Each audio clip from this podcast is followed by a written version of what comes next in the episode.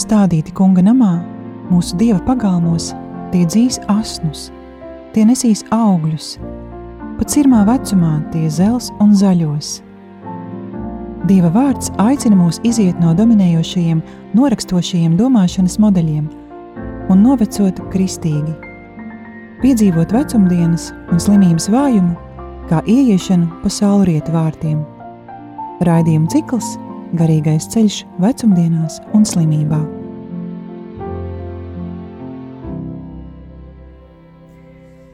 Mīļie klausītāji, šodien jūsu uzmanībai pirmais raidījums ciklā Garīgais ceļš vecumdienās un slimībā. Četras pirmdienas līdz pat jaunam gadam ar jums kopā būšu es, Euharistiskā Jēzus kongregācijas māsa Emanuēla. Tā kā šis raidījums skanēs ierakstā, Jūsu komentārus un jautājumus, kas radīsies klausoties piedāvāto tēmu, aicinām sūtīt uz Radio Marijas studijas tālruni 266 77 272. Atkārtošu vēlreiz 266 77 272. Jūsu komentāri, jūsu jautājumi tiks noteikti izskatīti un izmantoti, gatavojot nākamos šī cikla raidījumus. Šodienas tēmu esmu sagatavojusi izmantojot spāņu klostermāsas, Bībeles teoloģijas profesores Doloresas Aleksandreses pārdomas. Un kā jau jūtat, šodien attiecīgi runāsim par to, kā vecumdienas un konkrētāk garīgā dzīve šajā cilvēka attīstības posmā tiek attēlotas, tiek parādītas svētajos rakstos, caur svēto rakstu personāžiem. Tāpēc, ja ir vēlēšanās un iespēja, tad šajā raidījumā varat arī paņemt sev par rokai svēto rakstu grāmatu, vienkārši to turēt rokās, ja, piespiest pie sirds, pat klausīties Dieva vārdu, jo Dieva vārds mūs uzrunā gan lasot, un Dieva vārds tāpat mūs uzrunā arī mīlot svētos rakstus. Ir teikts, ka svētie raksti atklājas mīlot, tāpat kā cilvēks. E, tas, ko viņš runā, atklājas tad, kad mēs īstenībā mīlam, kad pazīstam cilvēku. Tāpēc garīgie vadītāji iesaka svētos rakstus nevien bieži lasīt, bet arī tos, piemēram, bieži noskūpstīt bieži varbūt paturēt rokās, varbūt dažreiz izlasīt tikai vienu pantu, ja sakām, nav laika. Galvenais noslaucīt putekļus no mūsu svētajiem rakstiem. Tad atgriežamies pie mūsu tēmas, un tā iesākot skaisti, mēs varam cilvēka vecumdienas tādā bibliskā valodā nosaukt par vakara vārtiem – Vārtu tēma svētajos rakstos ir, ir ļoti zināma, tā ir daudz simbolu tajā. Jeruzaleme ir pilsēta ar 12 vārtiem. Jaunā Jeruzaleme būs ar dažādiem dārgakmeņa vārtiem. Un šajā, šajā ziņā šis simbols mums ir kā vecumdienas, kas nav kaut kas tāds nevajadzīgs, nav kaut kas tāds, kas nepieder pie visa procesa, tieši otrādi. Tie ir vieni no vārtiem, tie ir vakara vārti, jeb saulrieta vārti.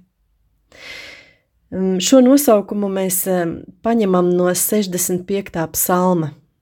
Tajā psalma dziedātājs sludina rītiem un rietiem tu liec gavilēt. Skaists jaunais tulkojums - rītiem un rietiem tu liec gavilēt.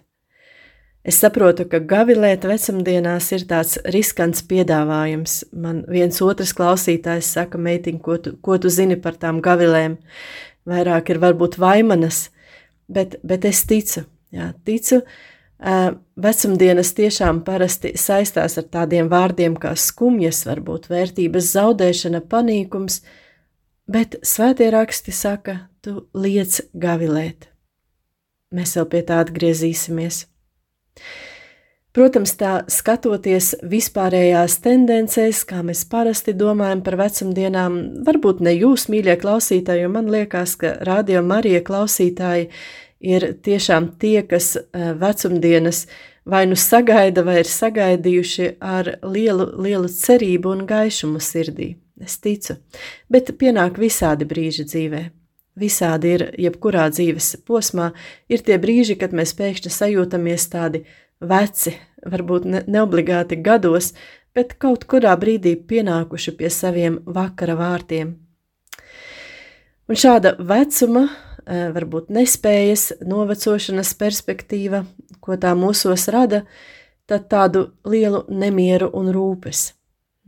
Bailes no tā, ka varbūt tu vairs neesi vajadzīgs darbā, varbūt tu vairs nespēji. Ja, un tu vienā, no vienas puses to pensiju nevar sagaidīt, no otras puses tu vairs nespēji.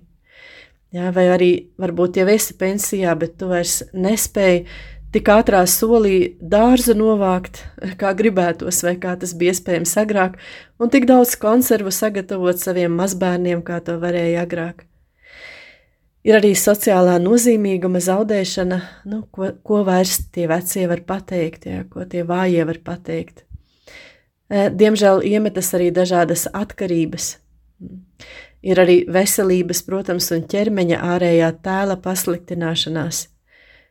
Negribās spogulī vairs tik bieži skatīties kā jaunībā. Ir bailes no vientulības, bailes zaudēt patstāvību, varbūt sociālo cieņu, un tāds vispārējais, tā filozofiski runājot, nemieris par īslaicīgumu, par tādu nobeigumu kaut kā, ejam tā kā uz beigām.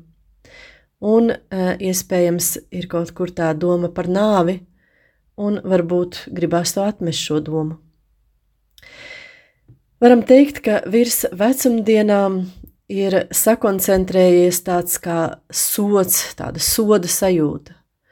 Ja, tu vairs nespēji laiku pagriezt atpakaļ, un tur kaut kas nav piepildīts. Tu kaut ko tur nespēji. Varbūt uh, pietrūkst kaut kādu dziļu ilgošanos, pietrūkst jaunu projektu. Varbūt ir pastāvīgs sarūktinājums par kaut ko, kas nenotiek vairs pēc mūsu prāta, varbūt kādas nepiepildītas gaidas attiecībā uz sevi, uz citiem, uz pasauli, uz Dievu. Bet lūk, pret visu šo tādu eh, padrūmo ainu, kurā mēs laiku pa laikam katrs nonākam, ka, katrā dzīves posmā, um, varbūt nostājas, nevis varbūt, bet tiešām nostājas tā bībeles valoda. Un tā met mums izaicinājumu, augšanas un auglības izaicinājumu. 92. psalma vārdiem viņa saka: Stādīti kunga namā, mūsu dieva pagalmos, Tie dzīs asnus, tie nesīs augļus pat sirmā vecumā, tie zels un zaļos, pat sirmā vecumā. Bībele aicina iziet mūs no tādiem dominējošiem kultūras modeļiem un radīt kristīgo novecošanas veidu. Nepārklausījāties kristīgo ne tikai dzīvesveidu, bet arī novecošanas veidu. Evanģēliem ir ļoti varens potenciāls un tas spēj izplest mūsu perspektīvas. Tas var paaicināt mūsu uz tādu skaidru, tīru prieku. Un kas reizē nav pretrunā ar to, ko apustulis Pāvils savā otrajā vēstulē korintiešiem tā ļoti reāli nosauc. Ārējais cilvēks mūsos iznīkst. Kristīgā pieeja vecumdienām noteikti nav tas tāds uh, jaunības kults ar to, to, ka ārējais cilvēks ir kaut kā jāprišina un tā āda ir jāvelk cik vien, cik vien var, lai tikai izskatītos pēc iespējas ilgāk jauns. Tas, tas tā nav kristīgā doma. Kristīgā doma ir ārējais cilvēks mūsos iznīkst, mēs to pieņemam, pieņemam tos trauslos sirmos matus un to ādu un to vispārējo, kas saistās ar šīm vecumdienām. Bet, kā Pāvils saka, bet iekšējais katru dienu atjaunojas. Lūk. Bībele aicina mūs paust ticību, cerību, mīlestību līdz pat galam visās pieredzēs, un ticēt, ja jau Jēzus apsola dzīves pārpilnību, tad šis viņa solījums ietver arī vecumdienas dzīves pārpilnībā. Un patiešām mūsu uzdevums ir uzņemt sevī šo biblisko spēku, Tas ir spēks, kas nāk no rakstiem. Jo, ziniet, eh, svētie raksti, kāpēc tas ir dzīves, dzīves dievs, dzīves dieva vārds, ka raksti ir ne tikai nu, tā izlasi un, un dzima manī tāds pamudinājums, nu, nu vajag kaut kā pacensties tagad kaut ko darīt, Bet svētie raksti, tie arī tad, kad lasām, tie uzreiz darboties sāk mūsos. Ja? Kad mēs izlasām šo rindiņu, kur Jēzus saka, es jums dodu dzīvi pārpilnībā, tad šī dzīves pārpilnība tajā brīdī ieslēdzas. Ja? Ieslēdzas mūsos un sāk darboties. Tāpēc ir svarīgi bieži kavēties svētajos rakstos, īpaši šajos vecuma vai nespēka posmos, ja, tajos brīžos un jebkurā dzīves brīdī. Tātad mūsu uzdevums ir uzņemt sevī šo biblisko potenciālu, šo spēku, kas var radīt tās vecumdienas dzīves pārpilnībā, Dieva priekšā. Ja. Dievs, kurš patiesi var un liks mums saukt no prieka vai gavilēt tajos saulrieta vārtos. Vai esam gatavi šim piedzīvojumam, vai jau ejam pa šo ceļu? Dosimies kopā! Lūk, dažas Bībeles patiesības, kurās varam balstīties. Mēs varam tiešām rīkoties paļaudamies un pateicības pilni. Bībele sniedz e, citu skatījumu uz pašu laika tecējumu, jeb laika plūsmu. Mēs parasti uz laiku skatāmies kā uz tādu eroziju. Ja. Laiks atnāk ar sabrukšanu. Kādreiz skatījos tādu dokumentālo filmu, kura bija ļoti skaisti uzņemta par, par kosmosa teiksim, likteni, bet acīm redzami ateista, ateista režisora darbs, jo viss tika runāts nemitīgi atkārtojās kā tāds motīvs, kā sarkanais motīvs caur visu šo filmu, tā doma, viss iznīkst un viss sabruks. Viss beigsies. Tas ir tāds skatījums bez dieva, skatījums bez šīs dievišķās perspektīvas, kur jā, laika zops sēd visu, jā, nekas nenoturās pretī. Bībelē, kas ir mūsu ticības grāmata, laiks eh, netiek uzskatīts tikai kā panīkšana un ceļš uz nāvi. Tur ir arī šis motīvs, un parasti tas saistās ar grēka motīvu, ja?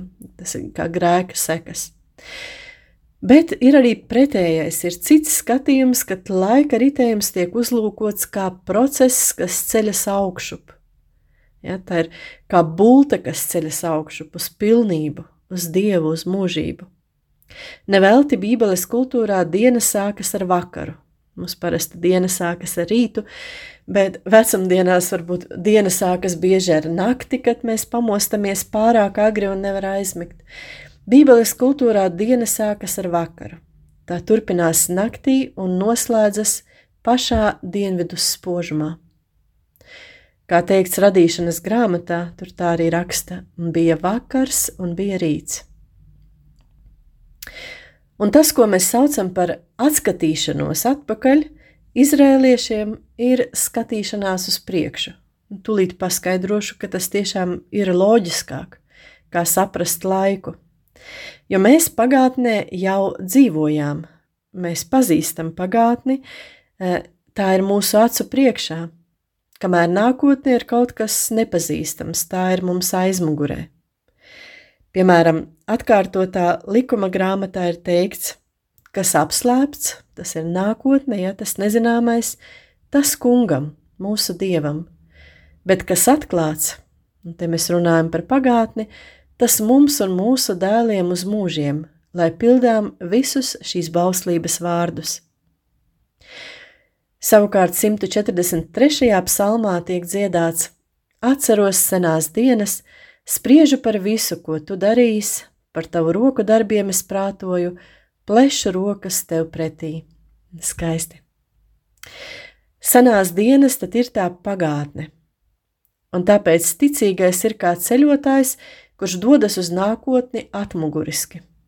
Iedomājieties to, soļodams bez bailēm uz to, kas vēl nav zināms, jo viņš redz to, kas jau bija. Ja? Viņš balstās tajā dieva uzticībā, kur ir piedzīvojis savā pagātnē, un mēs, mums katram, katram ir šīs liecības. Ja? Un tā ir ceļotāja acu priekšā.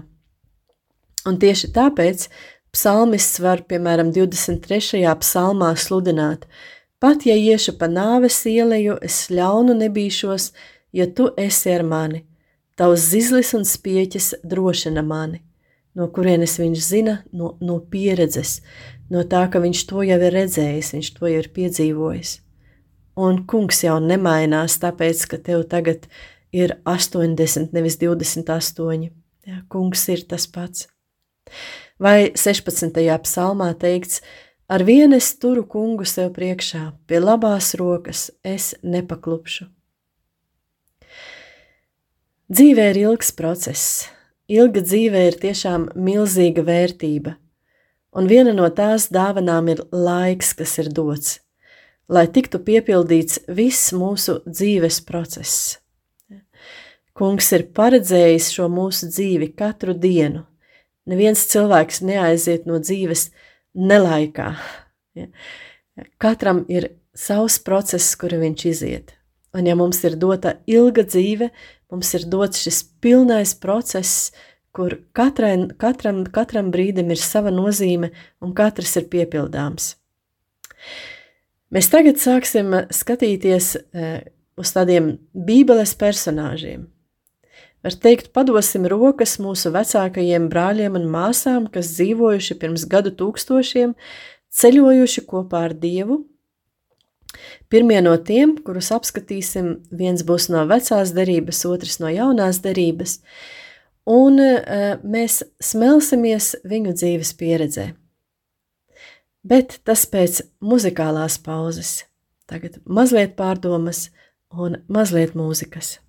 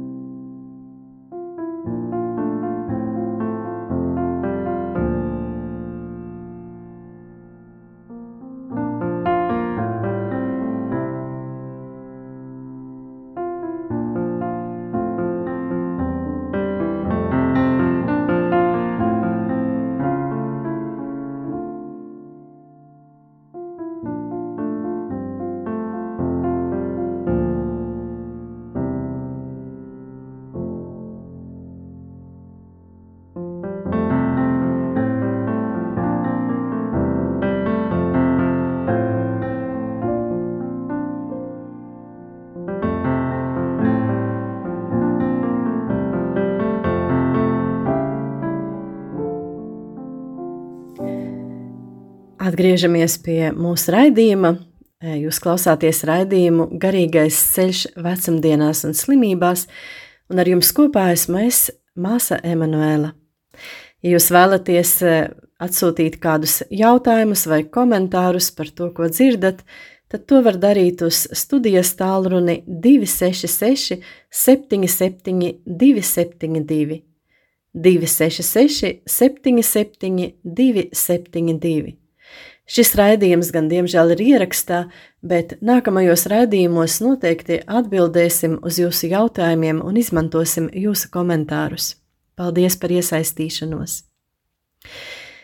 Tātad tagad mēs uzlūkosim dažus Bībeles personāžus, lai kaut ko paņemtu no viņu dzīves pieredzes, mūsu vecumdienu pieredzēm, par kuru mēs šodien runājam. Pirmais ir vecās derības patriarhs Jēkabs.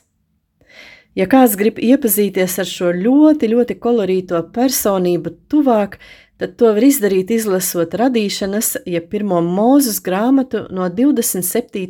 līdz 50. nodaļai. Tas būs pilns jēkaba dzīves stāsts, kas ietvers arī e, viņa dēlu, e, arī Jāzepa e, un, un viņa sievu dzīves stāstus. Ja. Tātad Jēkabs ir Īzāka un Rebekas dēls, Ēzava dviņu brālis. Viņa dzīves stāstu raksturo konkurences gars un cīņa par pārākumu par savu brāli. Bībelē mēs redzam Jēkabu kā to, kurš cīnās, krāpjas, pret kuru cīnās un pret kuru krāpjas tur viss notiek. Mēs, mēs redzam, ka tādas ļoti nepareizas schēmas eh, pēc tam tiek nodotas tālāk. Jēkabs apkrāpj eh, savu brāli, tālāk eh, viņu pašu apkrāpj viņa nākamais sievas tēvs, iesmērējot viņam ne to sievu, par kuru Jēkabs atstrādāja septiņus gadus. Tālāk mēs redzam šo konkurenci starp viņa sievām, starp Leo un Rāheli. Mēs tālāk redzam šo konkurenci un, un krāpšanu starp viņa e, dēliem, zinām šo skaudro e, Jāzepa un, un viņa brāļu stāstu. Tātad redzam, redzam šīs e, dzīves kļūdu sekas šajā jēkaba stāstā. Un kam tas viss, kāpēc Jēkabs iesāk šo, šo tādu dīvaino, dīvaino ķēdes posmu, tam, lai iegūtu svētību. Jā, viņš grib būt veiksmīgs savā dzīvē. Mēs gribam tā teikt. Ja. Un, lai būtu veiksmīgi savā dzīvē, mēs visi esam sastrādājuši un sastrādājam dažādas nevisai labas lietas, ja, ar vislabākajiem nodomiem dažkārt. Jo svētība pēc tā laika tradīcijas bija paredzēta viņa vecākajam brālim, pat ja šis brālis bija tikai dažas minūtes vecāks, un tomēr, un tomēr Jēkabam izdodas izkrāpt, izkrāpt šo svētību. Un viņš vienmēr ir centies un bijis pirmais, vecākais, pārākais. Ja. Tas ir tas, kas iezīmē, iezīmē Jēkaba dzīvi. Nezinu, cik mēs esam lasījuši par jēkaba vecumdienām, par šo ļoti veco jēkabu, kuram jādodas, jāatstāj sava dzimtā zeme, kārtējo reizi jādodas uz Eģipti, lai, lai kopā ar saviem dēliem, lai izdzīvotu. Tātad e, dzīves beigās, jau tur ap 48. nodaļu, mēs ieraugām šo veco, veco jēkabu, kurš beidzot noliec savu sprandu, cieto sprandu Dieva priekšā. Viņš noliecas un iemācās no dieva dot priekšroku mazajiem. Es e, tagad gribu palasīt šo, šo, šo fragment no radīšanas grāmatas 48. nodaļas. Ja jums ir sava bībele blakus, jūs arī varat to atvērt, kopā palasīsim par šo veco jēkabu, kurš svētīja Jāzepa mazos dēlus. Un pēc tam bija tā, Kāds Jāzepam teica, redzi, tavs tēvs ir slims. Un viņš paņēma sev līdzi abus dēlus, Manasi un Efraimu. Jēkabam tika pateikts, redzi, pie tevis atnācis tavs dēls Jāzeps. Un Izraels, tas ir Jēkabs, saņēmās spēkus un apsēdās gultā. Tad Izraels ieraudzīja Jāzepa dēlus un teica, kam šie ir? Jāzeps teica savam tēvam, tie ir mani dēli, ko Dievs man šeit devis. Un viņš teica, pieved viņus pie manis, un es jūs svētīšu. Izrēla acis bija vājas no vecuma, viņš nevarēja redzēt, un Jāzeps pieveda viņus tam klāt, un viņš tos skūpstīja un apkampa. Jāzeps saņēma tos abus Efraimu pie labās rokas no kreisās puses Izrēlam, un manasi pie kreisās rokas no labās puses Izrēlam, un pieveda tos viņam tuvāk. Un Izrēls izstiepa savu labo roku un uzlika uz galvas Efraimam, bet viņš bija jaunākais, un savu kreiso roku uz galvas Manasem. Viņš sakrustoja savas rokas, kaut arī pirmdzimtais bija Manase, un viņš svētīja – Jāzeps ieraudzījis, ka viņa tēvs uzlicis labo roku uz Efreima galvas, un viņam tas nepatika. Viņš sakam pa sava tēva roku, lai no Efreima galvas to liktu uz maneses galvas. Un Jāzeps teica savam tēvam: Ne tā, mans tēvs, šis taču ir pirmdzimtais, liec savu labo roku viņam uz galvas. Bet viņa tēvs liedzās un teica: Es zinu, mans dēls, es zinu, Arī viņš kļūs par tautu, arī viņš taps jo liels. Tomēr viņa jaunākais brālis būs lielāks par viņu, un viņa pēcnācēji kļūs par daudzām tautām. Un todien viņš tos svētīja. Ar jums Izrēlā dos svētību sakot, lai Dievs tevi dara kā Efraimu un Manasi, un viņš lika Efraimu pirms Manases.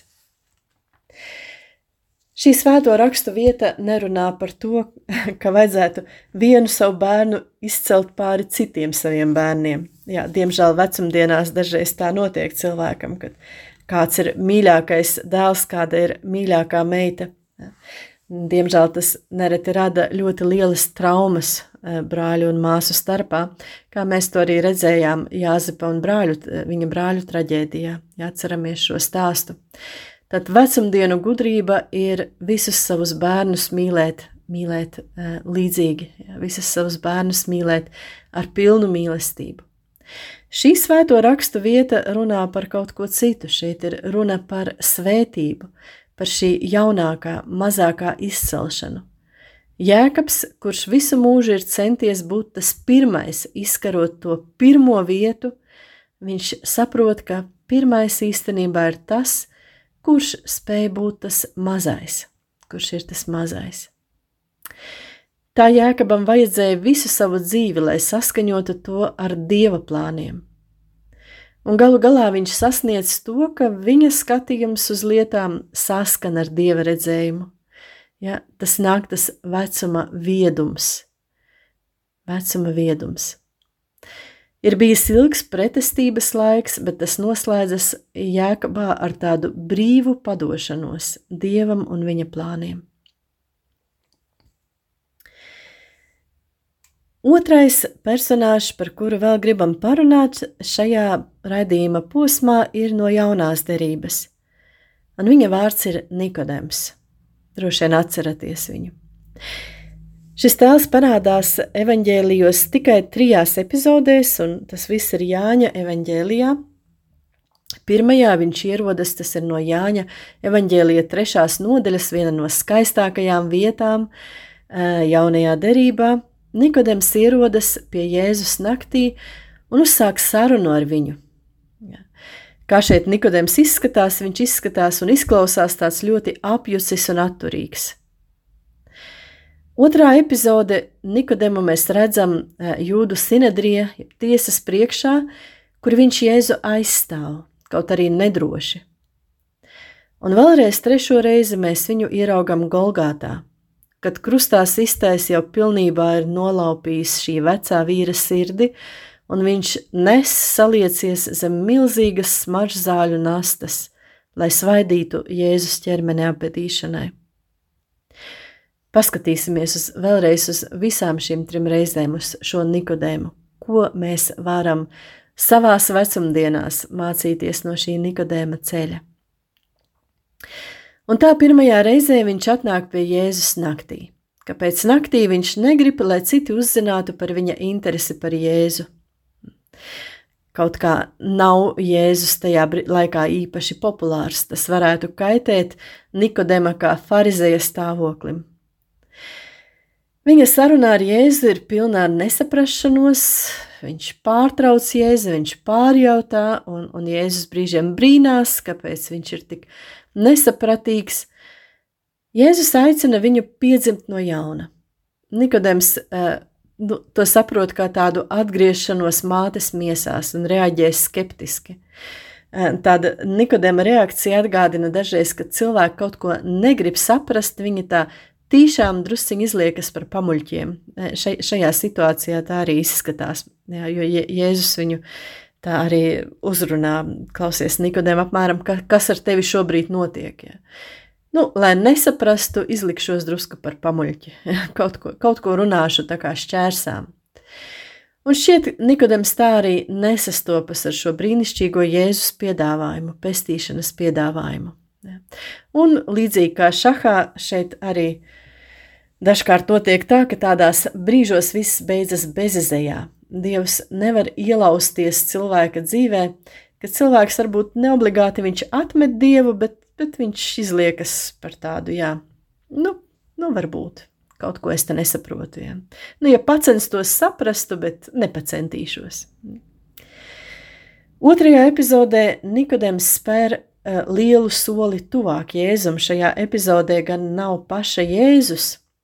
Šeit ir jūdu augstā tiesa, kas sastāv no, ja nemaldos, um, trīde, vairāk kā 30 jūdu tiesnešiem, un Nikodems, būdams viens no viņiem, uzdrošinās nostāties un sacīt, vai mūsu bauslība tiesā cilvēku, ja iepriekš nav viņu uzklausījusi un uzzinājusi, ko viņš dara. Ja, Nikodems šeit iebilst pret tādu uh, vēlēšanos Jēzu uh, notiesāt. Tas Tas ir svarīgi. Nikodems vēl nepasaka, ka jā, viņš, es esmu Jēzus sekotājs, viņš nav starp Jēzus apstuļiem, bet viņš ļoti tādā nedrošā gaisotnē, ja viņš uzdrošinās pateikt, pagaidām, paskatāmies, kas šeit notiek. Mēs varam atpazīt tādas dzīves situācijas. Kādreiz um, mazs iestarpinājums šajā tēmā, kādreiz uh, kādas sievietes dalījās ar, ar liecību, kā bija atbraukuši uh, uz pilsētu, neatceros kaut, kaut kādas organizācijas biedri, un, un bija liela zāle pilna ar, ar um, pilsētas krējumu, teiksim tā, ar, ar tādiem svarīgiem cilvēkiem un arī šie ciemiņi, Un radās tur jautājums, kurš, kurš, kurš ir ticīgs? Ja? Kurš ir ticīgs vai kurš kaut ko zina? Un šīs sievietes teica, un neviens neceļ roku, un mēs arī sabijāmies tajā brīdī. Ja? Nu, ko mēs ne, ne jau noliegt no, no ticība noliegt gribēja, bet, bet tik daudz cilvēku, un visi skatīsies, un kā es tagad celšos kājās un kaut ko teikšu. Ja? Tik pazīstams šis dzīves vājums. Ja? Un eh, šeit mēs redzam Nikodemu, kurš spēr šo soli, viņš uzvers, uzvar šo vājuma brīdi. Ja, viņš atzīst, ja ne gluži savu ticību Jēzum, tad to, ka nevajag steigties Jēzu atmest. Ja, paskatīsimies dziļāk, viņš saka. Un tad nāk trešais solis. Tas ir pēdējais solis, ko Nikodems spēr, kad kopā ar Jāzepa no Arimatejas ierodas pie Pilāta, lai lūgtu Jēzus miesas apbedīšanai. Viņš pats atceras, ka viņš ir tas pats cilvēks, kas kādreiz naktī bija nācis pie Jēzus. Un simboliski tagad Nikodems ir pilnīgi izgājis no nakts ārā. No šīs garīgās nakts, no šī pastulbuma nakts, ja garīgās lietās, no šīs negribēšanas, no šīs kautrēšanās. Viņa sirdī ir pats dienas vidus. Ja? Un šī ir viņa dzīves procesa kulminācija, kad viņš nāk uz Golgātu, nesdams simts mārciņas smaržzāļu. Tas ir milzīgs daudzums, ap 32 kg. Ja? Tas liels maiss. Tas ir simtreiz vairāk nekā Betānijas Marijas nardes, ar kurām pietika, lai smaržotu viss nams. Ja? Tā atkal ir tā milzīgā izšķērdība, kura jau toreiz ieļaunoja dažus klātesošos. Kamēr Jēzus bija tāds pievilcīgs, bet reizē pretrunīgi vērtēts līderis, Nikodems baidījās būt saistīts ar viņu. Bet tagad, kad Jēzus ir tāds pilnīgi diskreditēts, Nikodems aizmirst savas bailes. Viņš publiski parāda savu draudzību, savu piederību šim mācītājam. Var teikt, ka to, ko viņā nevarēja sasniegt Jēzus doktrīnas skaistums un zīmes, kuras to pavadīja, tagad sasniegs Jēzus nāve uz krusta. Tā nereti ir ticības ceļā. Uzrunā Jēzus krusts. Tā piepildās tas Jēzus pravietojums, ka es no zemes tikšu paaugstināts, es visus vilkšu pie sevis. Tā Jēzus universālā pievilcība nāk tieši no krusta kurš ir kā magnēts, kas ar milzīgu spēku pievelk Nikodemu pie viņa. Un šis pievilcības spēks ir pats Dievs Tēvs, jo Jēzus saka, neviens nevar nākt pie manis, ja Tēvs, kas e, mani sūtījis, to nevelk. Un Nikodemu velk. Jā, ir pienācis tas laiks, kad, kad tā pievilcība ir ļoti liela. Jā, un Nikodems iet ar to milzīgo smaržzāļu maisu, Tas ir viņa dzīves dienas vidus, lai viņš ir vecs vīrs, bet tas ir viņa dzīves dienas vidus, kad viņš pilnīgi saka jā, vairs nav muļķības, vairs nav kautrēšanās, ir pilnīgais jā. Šajā pēdējā Jēzus un Nikodemainā vairs nav vārdu, ir tikai tāda klusa, klusa pievilkšanas spēks, un Nikodems atdot visu sevi kopā ar to neizmērāmo smaržzāļu daudzumu. Šī viņa dzīves procesa daļa ir piepildīta. Pārdomāsim to, un laiks mazai mūzikas pauzei.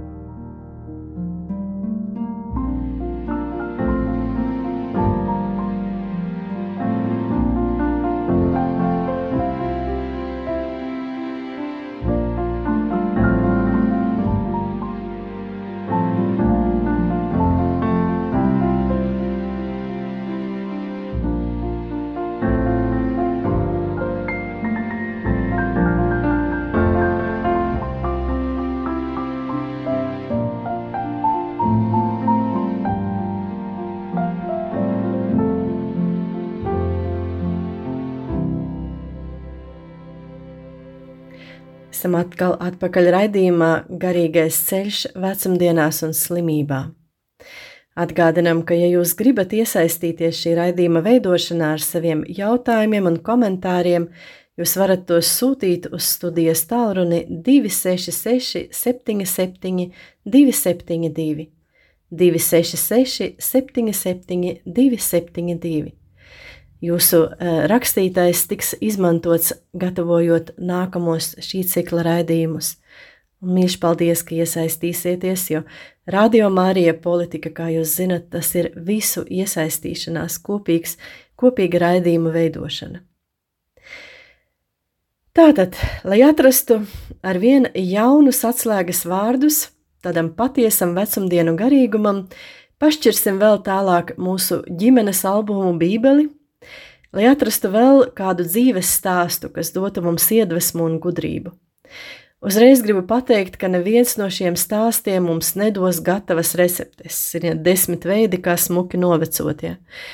Tā nebūs, nebūs galējo atbilžu visiem dzīves gadījumiem, nebūs visu ceļa zīmju, bet varbūt kāds no šiem stāstiem šajā raidījumā, vēl nākamajā raidījumā turpināsim ar tiem, varbūt kāds piedāvās gaismu vai negaidītu skatījumu, kā tādu ķieģeli, ko var ielikt kādas domas pamatā un tas varētu palīdzēt mums celt savu celtni, savu torni uz mūžīgo dzīvi, uz dieva tuvumu.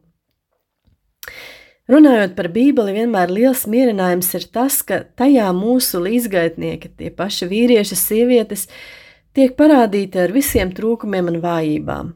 Bībeles cilvēki nav ideāli, viņu reakcijas un rīcības ļoti līdzinās mūsējām ja mēs, mēs varam atpazīt paši savas cīņas, savu izturību un neizturību, savas kļūdas, savus meklējumus. Kad mēs lasot stāstus, piedalāmies tajās pārmaiņās, kas notiek ar šiem personāžiem, pateicoties Dieva žēlastībai, tad mūsos arī var dzimt cerība, ka līdzīgi notiks arī ar mums. Tad šodien vēl viens personāžs. Nosauksim viņu par smējēju sāru. Tas arī ir vecās derības sieviete, ciltsmāte, mūsu ticības ciltsmāte, Ābrahama sieva Sāra. Veca un neauglīga. Tādu mēs viņu satok, sastopam viņas dzīves noslēgumā, un viņa var mums kalpot kā spogulis tajos gadījumos, kad vecums draud mūs ieslēgt tādā rūgtumā un skepticismā. Sēdēdama telts ieejā pie mamres ozola, viņa reiz sadzirdēja atklāsmi, ka lūk, viņai būšot dēls. Paklausīsimies šo notikumu no radīšanas grāmatas, jeb pirmās mūzes grāmatas 18. No, 18. nodaļas. Ābrahams un Sāra bija jau paveci gados, un Sārai vairs nenotika, kā sievām mēdz notikt. Un Sāra smējās pie sevis, kad esmu jau veca, man vēl būs tīksme, un mans kungs arī ir vecs. Un kungs teica Ābrahamam, kādēļ Sāra smējās, sacīdama, vai tad patiesies dzemdēšu, es taču esmu par vecu, vai kungam ir kas neiespējams? Noliktajā laikā tev un Sārai ap pavasara laiku būs dēls. Bet Sāra liedzās, es nesmējos, jo viņa izbijās, bet viņš teica, nē, tu taču smējies. Mm. Tā saruna, šis dialogs um, nav tik daudz par sāras smiekliem, cik vairāk par to, ka šie smiekli parāda viņas neticību un realismu, to realismu pēdiņās, kurš nespēja iziet ārpus savām robežām. Un tas jautājums, vai kungam ir kas neiespējams? Tas tiek uzdots nevis runājot par sāras iespējām, bet gan par dieva iespējām. Kad Dievs ir mūsu domās, Viņš uztur tajās dzīves enerģiju. Un, un tas spēja augšām celt arī mūsu izdzisušās cerības, kur nu kas vairs no manis, ko es vairs, es jau pat vairs lūgties nespēju, kāda vēl auglība. Bet, kad mēs paļaujamies uz to, ka Dievs jau dara lietas, tas aicina mainīt perspektīvu un jēgu. Un tā neauglība un šeit iet runa ne tikai par fizisko neauglību, zaudē savu nāvējošo spēku, ja, tā vairs nespēja aizvērt nākotni. Un tad rodas iespēja cilvēkā ielausties dieva spēkam, kas dod dzīvību un auglību. Dievs atklājas Sāras dzīvē, visā Bībelē, kā visādas nespējas, neiespējamības un ierobežotības uzvarētājs. Un, kad mēs to atzīstam, kad mēs to pieņemam, kad izdarām secinājumus, tad mēs izejam no tā aploka bez vārtiem, kurā mūs ieliek dzīves rūkums un vilšanās. Ticība, ka dievam nav neiespējamu lietu, kļūst par logu, par logu, caur kuru ienāk svētā gara radošais spēks. Iespējams, ka daudzi no jums, kas klausāties, esat jau ļoti gados, tad jums ir ļoti paveicies. Jo tieši tagad varat sasniegt to robežu, kad jau vairs neko nespējat. Te sakat, jā, jā, viņai viegli runāt, ja? bet tā tiešām garīgā ziņā skatoties, tā ir veiksme, tas ir Dieva plāns atvest cilvēku no bērnības, kad viņš neko nespēja, līdz šai vecuma robežai, kad gandrīz jau vairs neko nespēja. Kad cilvēks pārkāpj impotences, un, un šeit tā ir nespēja visplašākajā, visdažādākajās nozīmēs slieksni.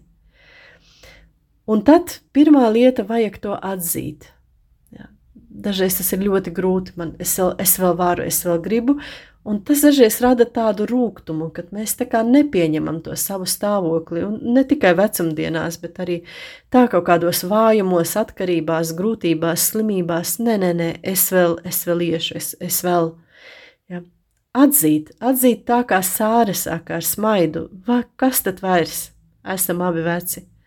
Un ņemt to vērā, pieņemt to kā to realitāti, un tad iet tālāk par šo redzamo realitāti, pieņemto realitāti, tad atvērties Dievam un Viņa vārdam. Ja. Kamēr mēs nepieņemam realitāti, mēs nevaram spērt šo nākamo soli, šo atvērtības soli, jo mēs vēl ar vienu cenšamies imitēt darbības, ja, imitēt, ka es vēl to varu, es vēl to varu. Ja. Protams, ko varam, to darām, bet pieņemt, pieņemt realitāti kaut ko nevaru. Ja. To nevaru, to nespēju kaut ko izmainīt nespēju piespiest saviem bērniem kaut ko izmainīt. Ja? Atzīt to kā realitāti, un tad atvērties šajā realitātē dievam, atvērties dieva vārdam, kurš spēj sagraut tos nogurdinošos pesimisma mūrus, vai tad dievam kaut kas ir neiespējams.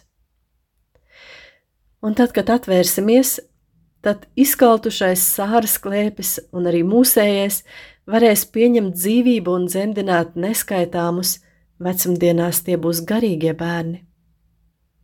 Tos, kurus izlūksim, kurus izticēsim, izcerēsim, izmīlēsim. Un tad tukšums un nabadzība, līdzīgi kā tāds pirmais hauss, dos dievam iespēju radīt kaut ko jaunu. Kad mēs sakām, nav īstais laiks, nekad nav iespējams, Dievs saka, iespēja tagad, jo es esmu tas, kurš dara. Dievs mūs vienmēr pārsteidz, vienmēr pārsniedz mūsu šaurās cerības, sākdams ceļu no tām robežām, kuras mēs paši sev uzliekam un paši arī atzīstam. Mīļš, paldies šodien par jūsu uzmanību! Lielas paldies būs par jūsu iesaistīšanos turpmākā šī raidījuma cikla veidošanā, ar jūsu jautājumiem, ar jūsu komentāriem. Rakstiet tos uz tālruni 266, 77, 272. Ar jums kopā bija Euharistiskā Jēzus kongregācijas māsa Emanuela. Uz tikšanos nākamajā mēnesī! Stādīti kunga namā, mūsu dieva pagalmos, tie dzīs asnus, tie nesīs augļus, pat cirmā vecumā tie zels un zaļos Dieva vārds aicina mūs iziet no dominējošajiem, norakstošajiem domāšanas modeļiem un novecot kristīgi, piedzīvot vecumdienas un slimības vājumu, kā ieiešanu pa saulrieta vārtiem. Raidījuma cikls Garīgais ceļš vecumdienās un slimībā.